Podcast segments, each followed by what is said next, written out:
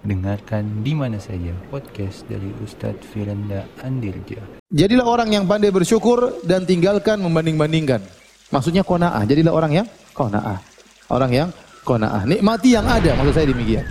Nikmati yang ada. Anda punya rumah misalnya 10 kali 10 nikmati yang ada. Anda punya rumah kebetulan 6 kali 4 nikmati yang ada. Udah ini yang ada. Allah berikan nikmati yang ada. Ya. Jangan suka banding-bandingkan.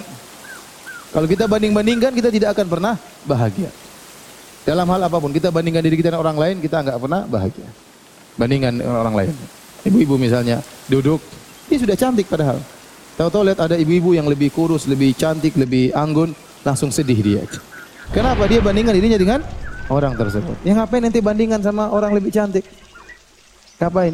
Jadi jangan banding-bandingkan sudah, bandingkan bikin sedih hati ya. Nikmati yang ada. Anda punya punya rumah seperti itu, Anda punya anak-anak begini, punya suami, nikmati yang ada sambil mengadakan perbaikan, ya. Tapi enjoy dengan apa yang Anda miliki. Itu namanya dengan qanaah. Hidup gaya hidup tidak dibuat-buat. Ya, keluar daripada kemampuan seseorang, ya. Kalau kita banding-bandingkan kita yang susah sendiri.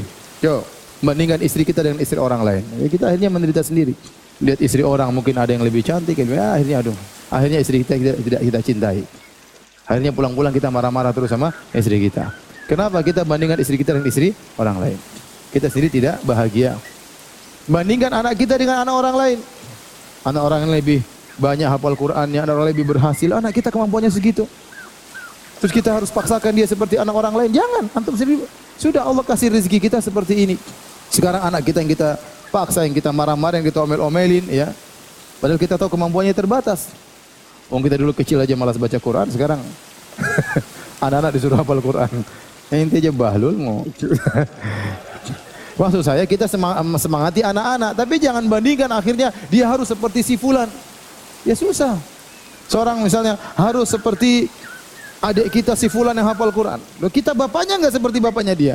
Mau anak kita seperti anak dia, gimana? Jadi jangan banding-bandingkan. Banding-bandingkan itu bikin susah hidup aja. Ya. Nikmati yang ada, enjoy yang ada. Ada kurang perbaik, ada kurang baik kita perbaiki.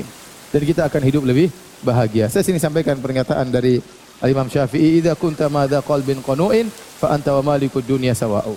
Kalau kau memiliki hati yang qanaah, sungguhnya kau dan raja sama saja. Ya, sama saja. Kita ini sebenarnya kebahagiaan itu uh, benar ya kebahagiaan dari Allah Subhanahu benar, tapi ada kita apa namanya kita bisa berusaha dengan menyeting hati kita, dengan menyeting hati kita membahagia tidak nyeting hati kita. Terkadang dua orang menghadapi permasalahan, permasalahannya sama. Yang satu ngamuk-ngamuk, yang satu tenang aja. Permasalahannya sama. Contoh kita bicara tentang gempa. Gempa atau musibah sama, tapi terkadang satu model masyarakat begini, satu model masyarakat begini. Beda. Jadi sikap sebenarnya kebahagiaan itu meski apa namanya bisa kita usahakan dengan kita menyeting hati hati kita. Sebagian orang datang kepada saya, Ustaz saya ada masalah besar gini-gini, apa masalahmu? Ah, masalah ringan aja bilang besar. Saya langsung gitukan aja. Biasa itu. Biasa. Kirain masalah apa? Kayaknya dunia mau kiamat. Padahal enggak cuma begitu saja. Ya, berarti dia tidak terbiasa menghadapi permasalahan. Ya. Jadi mau saya kita berusaha untuk qanaah. Ya akhi, belum tentu antum jadi orang yang antum lihat hidup mewah, belum tentu belum tentu antum bahagia. Kita sekarang lihat ya sederhana seperti saya. Kemudian saya lihat ada orang eh, kawan-kawan sendiri ya. Kaya, punya perusahaan besar, punya anak buah ribuan. Ya.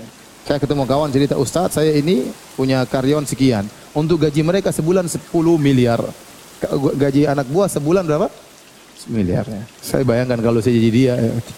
Apalagi pas gajian apa pikiran nggak pusing. Apalagi THR. THR sebentar lagi lebaran. Orang semua bahagia lebaran. Ingin beli ini, dia pusing. Aduh. Coba bayangkan. Antum kira semua orang kaya kemudian apa? Hidup bahagia? Belum tentu. Jadi masalah bahagia orang kaya boleh bahagia, orang miskin juga boleh bahagia. Tergantung kita menyeting hati kita. Bahkan sebanyak orang kaya tidak menikmati kehidupannya. Dia kerja kehidup, kerja kejar dunia pagi siang malam pagi siang malam. Kapan dia punya waktu untuk menikmati dunia sedikit? Setelah dia kumpulkan uang miliaran, cuma seminggu mungkin berapa menit, berapa jam, dia enjoy enjoy. Setelah itu dia kerja lagi keras. Sementara seorang pegawai mungkin kerja pagi sore udah pulang, malam sudah bahagia, sudah enjoy hidupnya, ketemu anak-anak, ketemu istrinya, nggak ada orang telepon-telepon, nggak ada tagihan-tagihan masuk, santai.